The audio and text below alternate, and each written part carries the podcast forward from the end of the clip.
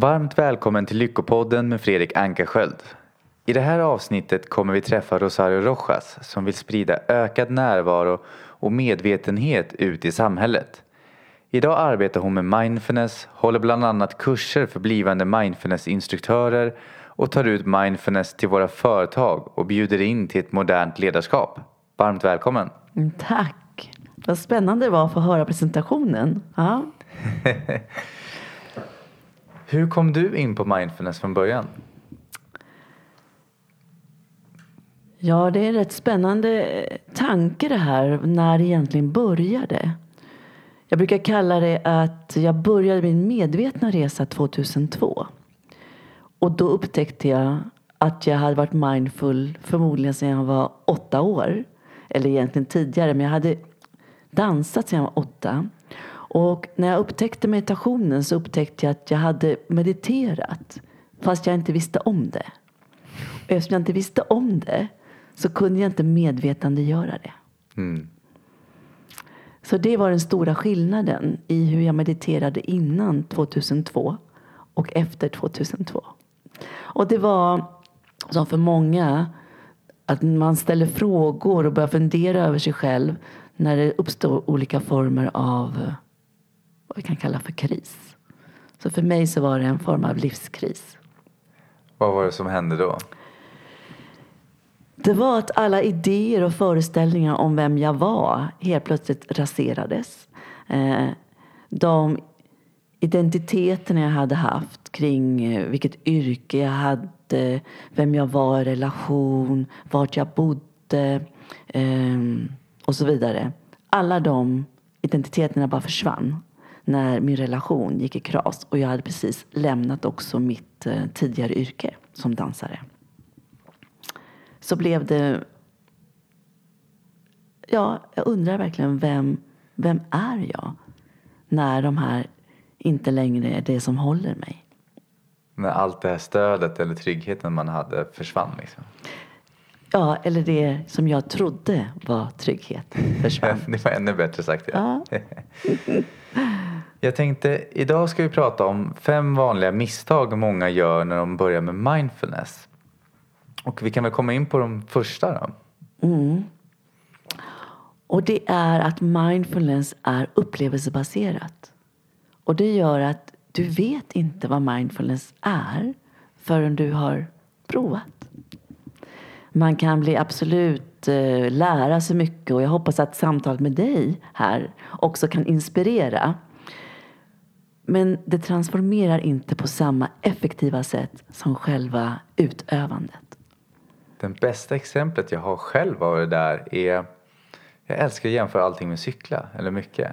Det, det spelar ingen roll hur många grafer jag läser om cyklar och vilket däck som är det bästa eller vice versa om jag aldrig har cyklat. För första gången jag hoppar upp på cykeln, då kommer upplevelsen. Och du kan heller inte lära dig att cykla genom att läsa en bok om det utan du måste upp på den på gång på gång och så småningom lär du dig en färdighet. Och det är precis vad också mindfulness är. Det är en färdighet. Och ibland så blandar vi ihop begreppet mindfulness för egentligen innehåller det tre saker. Det är en färdighetsmetod och den här metoden är ganska ny i, i hur den kom ut i västvärlden. Den kom ut kan man säga 79 då John Kabat-Zinn startade det här i USA. Men mindfulness är så mycket mer än bara metoden. Det är ett tillstånd. Ett sinnestillstånd. Eh, oftast så är vi ganska tränade på att läsa av stämningar i olika rum och olika sammanhang. Men vi kanske inte är så tränade på att läsa av vår egen stämning, vårt egna inre tillstånd. Och det övar man jättemycket på via mindfulness. Och det tredje är förhållningssättet. Det är någonting som man inte bara gör någon minut här och där eller, utan det är ett, ett förhållningssätt som du bär med dig. Hur du ser på dig själv, hur du ser på andra, ja, hur du faktiskt ser på livet. Så metod, ett tillstånd och ett förhållningssätt.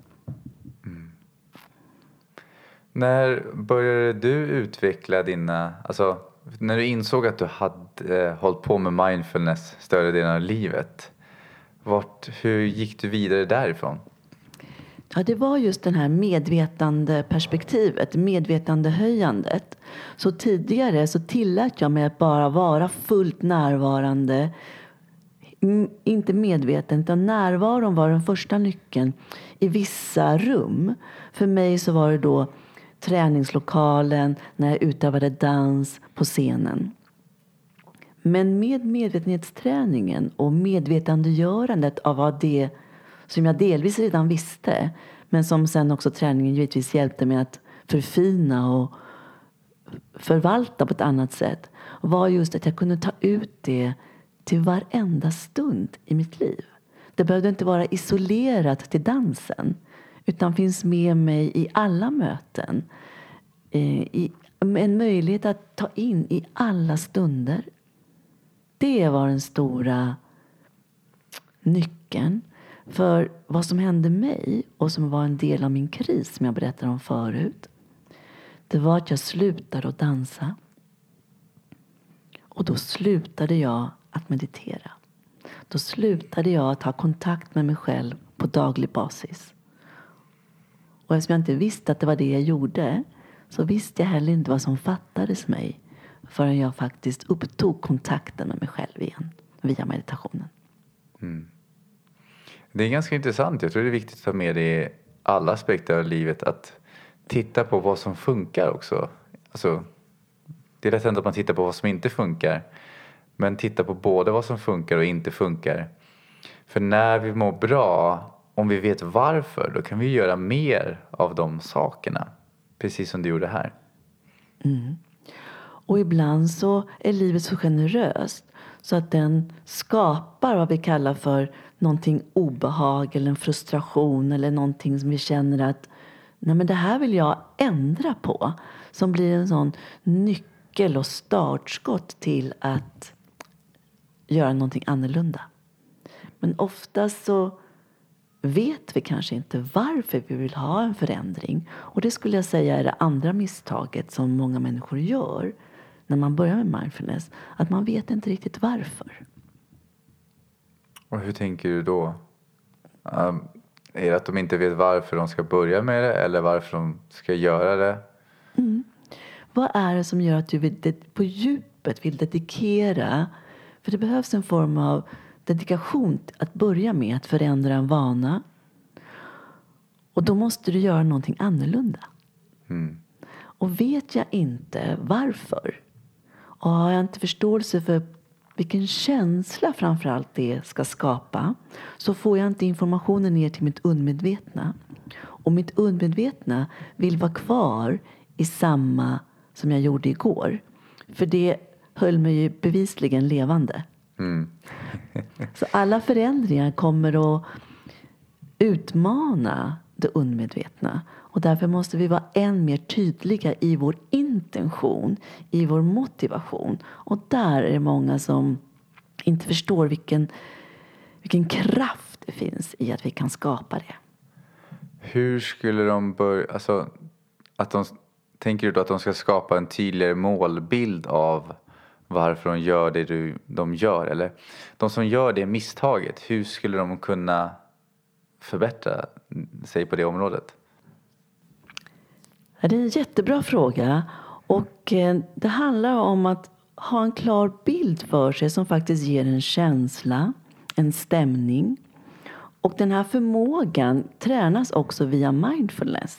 Så det finns en dubbelhet i att, man, att både ha den här bilden framför sig och kunna förstärka den här bilden under träningen.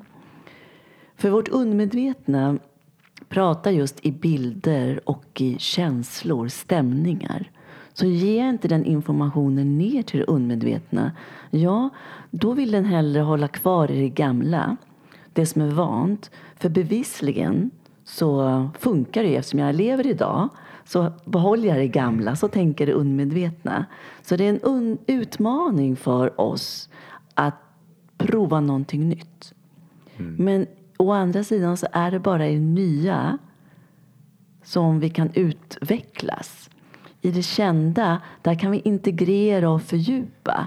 Men utveckling sker på okänd mark.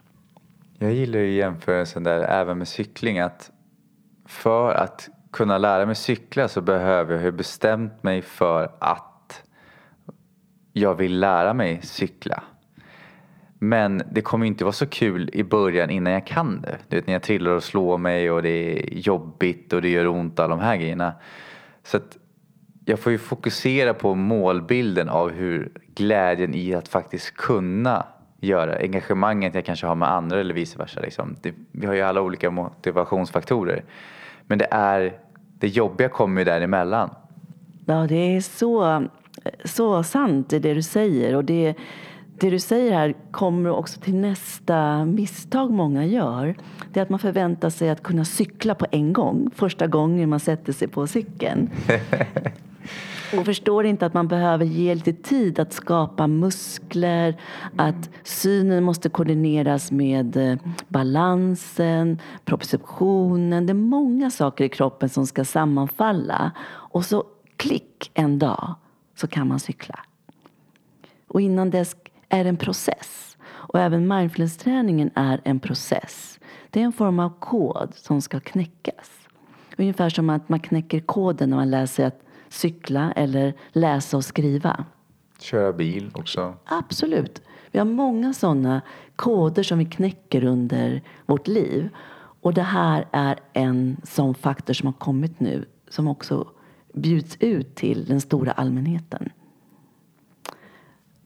Vad Så skulle du rekommendera som en lösning? Alltså en, vilken attityd tror du är bra att ha för de som börjar då?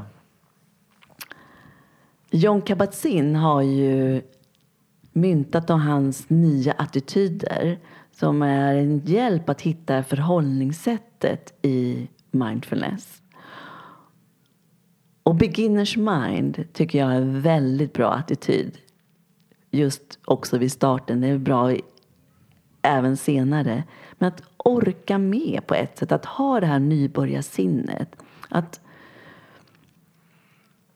vara nyfiken på vad som ska komma, och vad som ska hända och inte behöva veta på en gång hur det ska gestalta sig.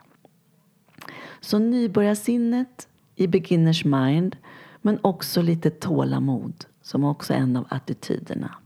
Att orka vänta på att processen ska ha sin tid. Men också vara smart och klok nog att ge processen tid. Många skapar inte tid för förändring utan vill att förändring ska ske utan att förändra någonting. Ja, det där känner jag igen. Och ett, jag ger ett tydligt exempel som man kan titta på ens förändring. Det beror på hur mycket man planerar. Men jag tittar på sin kalender. Hur mycket tid har jag avsatt till att meditera eller att inte göra någonting eller att göra någonting? Att hur mycket tid är avsatt och planerat för arbete eller för fritid? Mm. Och det är precis det här det handlar om. Att boka in tid för din medvetenhetsträning.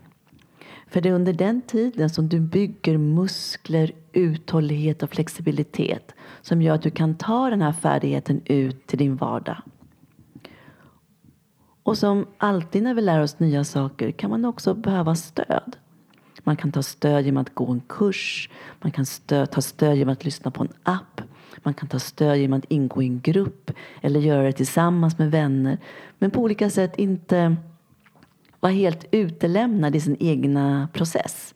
Utan ge tid och skapa möjlighet för stöd.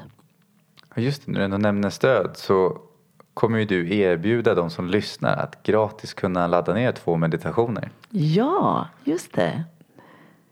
Så jag tänker att det är ett sätt att just få den här första upplevelsen. Vad kan det göra? Och att en upplevelse kan man få på en gång och hjärnan är så häftig. Och det är det vi vet nu, att hjärnan är plastisk, den går att forma. Och du kan få stora förändringar på hjärnan redan efter tio minuter. Hur lång tid måste man... Är det en bra början eller nybörjarträning då? Det kan vara lite olika beroende på vad vi har innan. Men vad jag skulle säga är att förändringen är inte bestående.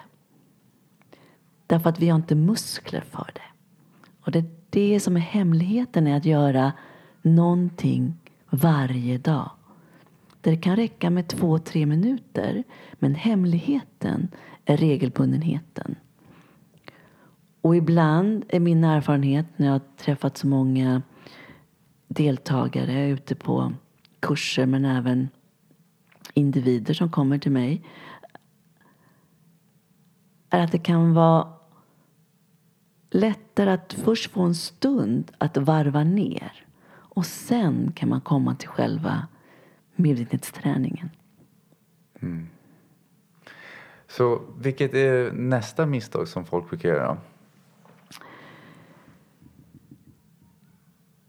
Ja, det är faktiskt den sista. Det är att förändring inte alltid ser ut som du har tänkt det. Vi kan ha idéer och föreställningar hur det ska gå till, hur det borde kännas och så vidare. Men min erfarenhet är att det är väldigt sällan så. Men resultatet blir mycket bättre än vad jag någonsin har kunnat tänkt mig. Har du några exempel från ditt eget liv som du kan komma att tänka på? Till exempel när man börjar med medvetenhetsträning, mindfulness-träning så finns det en idé, en föreställning om att man ska bli lugnare, mer harmonisk. Um, och så ökar upplevelsen av att oj vad jag är stressad. Eller aj vad ont jag har i kroppen. Och så tror man att man gör fel. Istället för att inse att när avspänningen har kommit så blir det tydligare för dig hur stressad du egentligen är. Hur spända dina muskler egentligen är. Och det, därifrån är det lättare att justera när du upplever hur det verkligen förhåller sig. Men att vi då i vår stress och vårt snabba tempo inte hinner med att lägga märke till hur vi egentligen mår. Vi tappar den här kontakten med oss själva. Och för att svara på den frågan du egentligen ställde så var det att innan jag hamnade i den här krisen så var jag ju fullt upptagen med att försöka lösa och ordna saker utanför mig själv så jag skulle må bättre. Och jag försökte, jag försökte, försökte, försökte. Och var så pass um, lyckad om man säger så då, att jag lyckades få hela det yttre att se alldeles perfekt ut. Men det hjälpte inte. Och när jag sen då gjorde det motsatta, det vill säga jag lät det yttre vara och vände uppmärksamheten inåt, vilket verkade helt jättemärkligt och jättekonstigt, så hittade jag det som jag trodde att jag sökte. För att lugnet och välbefinnandet, det fanns inom mig under lagret av stress, under lagret av ökad, ökade spänningar. Mm. Någonting som jag tycker du är så fantastisk, fantastiskt duktig på är just balansen som du har idag. Att du kan använda dig både av det yttre och det inre. Mm. Och det är någonting, det är väl bonusmisstag då, men det är någonting som jag ser att vissa gör. Att de, de går så långt in i sig själva att de nästan glömmer bort att betala hyran. Eh, liksom för att ingenting behövs längre. Och så finns det de som bara fokuserar på det yttre. Men jag tycker du är väldigt duktig på att ha balansen, att du kan leka mellan de båda när det behövs. Och jag tänker att det är det som någonstans är glädjen i livet, att utforska. Hur ser den här balansen ut för mig? Och att i olika delar av livet kan ha olika vikt var man lägger det. Men att ändå försöka uppnå så stor jämvikt mellan de här två. Och att den inre världen berikas när den yttre världen fungerar. Och den inre världen påverkar den yttre. Så det är det som är så fint när man ser att de inte längre är separata utan de hör ihop. Mm. Det vet jag själv ibland när jag träffar människor som mår dåligt så, och tänker på just att fokusera inåt. Då tänker vi så här, jag har inte tid att sitta ner och fundera på vad jag vill och sådana saker för jag har ju fullt upp med att lösa alla problem. Men då blir det att då tar ju de aldrig slut. Alltså, jag skulle säga så att problem i våra liv kan vi använda som vår fördel när vi observerar oss själva. Vi kan lära känna oss själva genom de problemen vi stöter på. För de kan hjälpa oss öka vårt medvetande och växa som person. Istället för att försöka bara bli av med allting. För att vi kommer alltid ha någonting nytt som dyker upp. Men är vi närvarande oss själva då blir det ett hjälpmedel, en glädje jämfört med någonting jag måste bli av med. Ja, och tanken på att jag måste bli av med någonting är väldigt stressande för oss. Så när vi med hjälp av mindfulness lär oss att sänka stressen då upplever vi inte längre att saker måste bli av med på samma sätt. Och då kan vi använda hela vår intelligens och med det hitta lösningar. För när stressen är för hög i vår kropp så har vi inte tillgång till den främre delen av hjärnan där så att säga beslut och förmåga att vara kreativ och se möjligheter finns. De är inte där. Så ju mer vi tror på den typen av tankar desto mer ökar vi den inre stressen och ju mindre möjligheter att faktiskt hitta utvägar eller vad det nu kan vara för någonting. Mm. Hur ser du att mindfulness kan hjälpa till i till exempel relationer? Jag skulle säga att det är nyckeln till relationer. Nyckeln till medvetna, närvarande och eh, kärleksfulla relationer faktiskt. Och den börjar med den medvetna, närvarande, kärleksfulla relationen med dig själv. När den är på plats då är det mycket, mycket lättare att bjuda in andra och att bjuda in livet. Mm. Och även, vi har ju, vad har vi mer? Vi har relationer. Det går ju att blanda in i det mesta i livet. Allt är ju närvaron hos oss själva. Men vi har ju även ekonomi. Mm. Och vi pratar om det i, eh, i våra utbildningar att man ser de olika aspekterna av livet som ekrar på ett hjul. Och det gäller att ha balans på alla de här ekrarna också. Och det, i det är mindfulness ett verktyg, en metod att just skapa mer och mer balans. Men träningen, metoden, är meditation. Eller kroppsskanning. Eller rörelsemedvetenhet. Det är själva metoden och andningen är central. Och så lär vi oss att få den här muskeln att bli stark och uthållig och få det här metaperspektivet. Att kunna vara medveten om min egen medvetenhet. Att lära mig att notera min egen närvaro. Sen tas den här färdigheten ut så du kan använda det till allt. Det finns ingenting som inte kan vara mindful. Mm. Allt kan göras eller inneha en, en känsla av mindfulness. Vilka ekrar är det som finns på hjulet som ni lär ut? Man kan sätta hur många ekrar som helst på det här hjulet. Men vi kan, brukar prata om kardinalerna. Och det är att identifiera och börja differentiera vad som är kroppsligt och kroppsliga och fysiska sensationer vad som är känslor och emotionella sensationer och vad som är mentala, kognitiva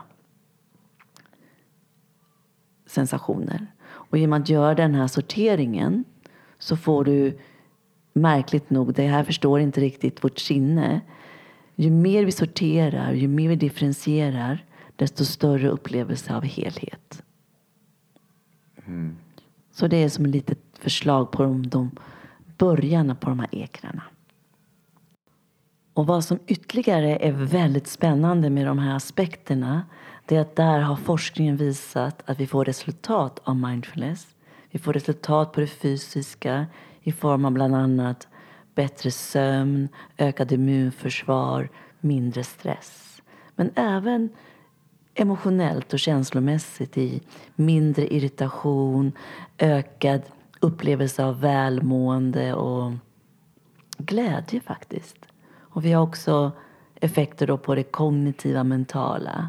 Vi var inne på det förut, att kunna ta bättre beslut, bättre minne, bättre förmåga till koncentration och kreativitet.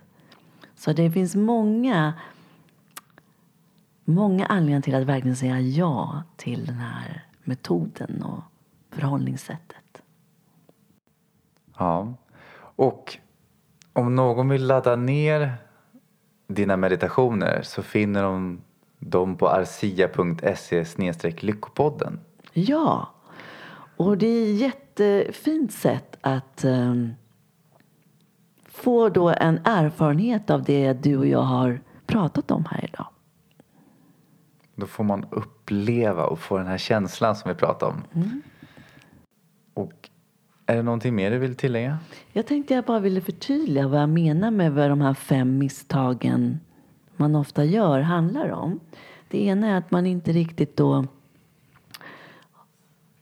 vet vad mindfulness är för att man inte har provat och behöver ge det en förståelse för att det är upplevelsebaserat. Det andra är att man inte har gjort klart för sig varför man vill skapa en förändring och då inte ger utrymme för det, som är då nästa. Man ger inte utrymme för förändring så att man kanske kan stärka de här musklerna utan tror att resultatet ska komma på en gång. Och nästa är att vi inte stödjer processen så att resultaten kan få komma genom att upprätthålla någonting regelbundet. Att skapa en ny vana rent fysiologiskt tar tre veckor. Men oftast tre månader för att det ska bli ett nytt beteende. Så min, mitt erbjudande är att testa i fyra veckor. Testa regelbundet i fyra veckor och efter det kan du lättare ta ett beslut. För innan så vet du inte vad du egentligen säger ja eller nej till. Och den sista är att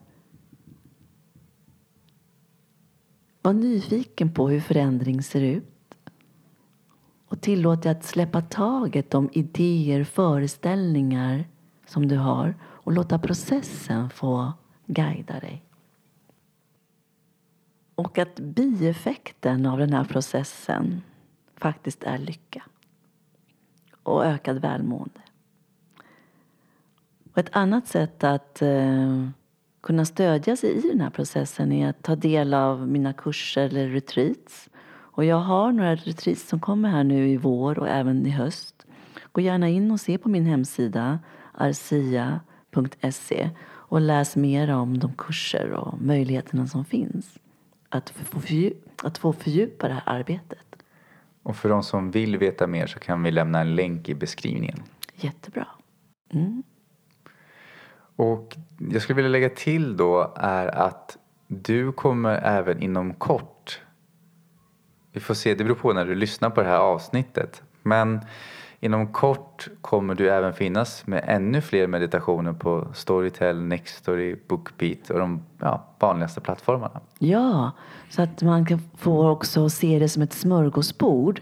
Olika meditationer kan tilltala olika människor och olika tider i livet. Så jag vill ge er möjlighet att få testa och plocka och, och använda det av det som fungerar för just dig. Mm. Med det får jag tacka för oss i det här avsnittet och önska dig som lyssnar en helt magisk dag. Och jag älskar det du gör Rosario. Jag har varit på många av dina träffar nu och det ligger mig varmt om hjärtat att kunna sprida det du gör till fler människor. Och tack Fredrik för att jag fick vara här och genom din fantastiska kanal här få göra det jag älskar. Sprida mer närvaro och medvetenhet. Tack så mycket.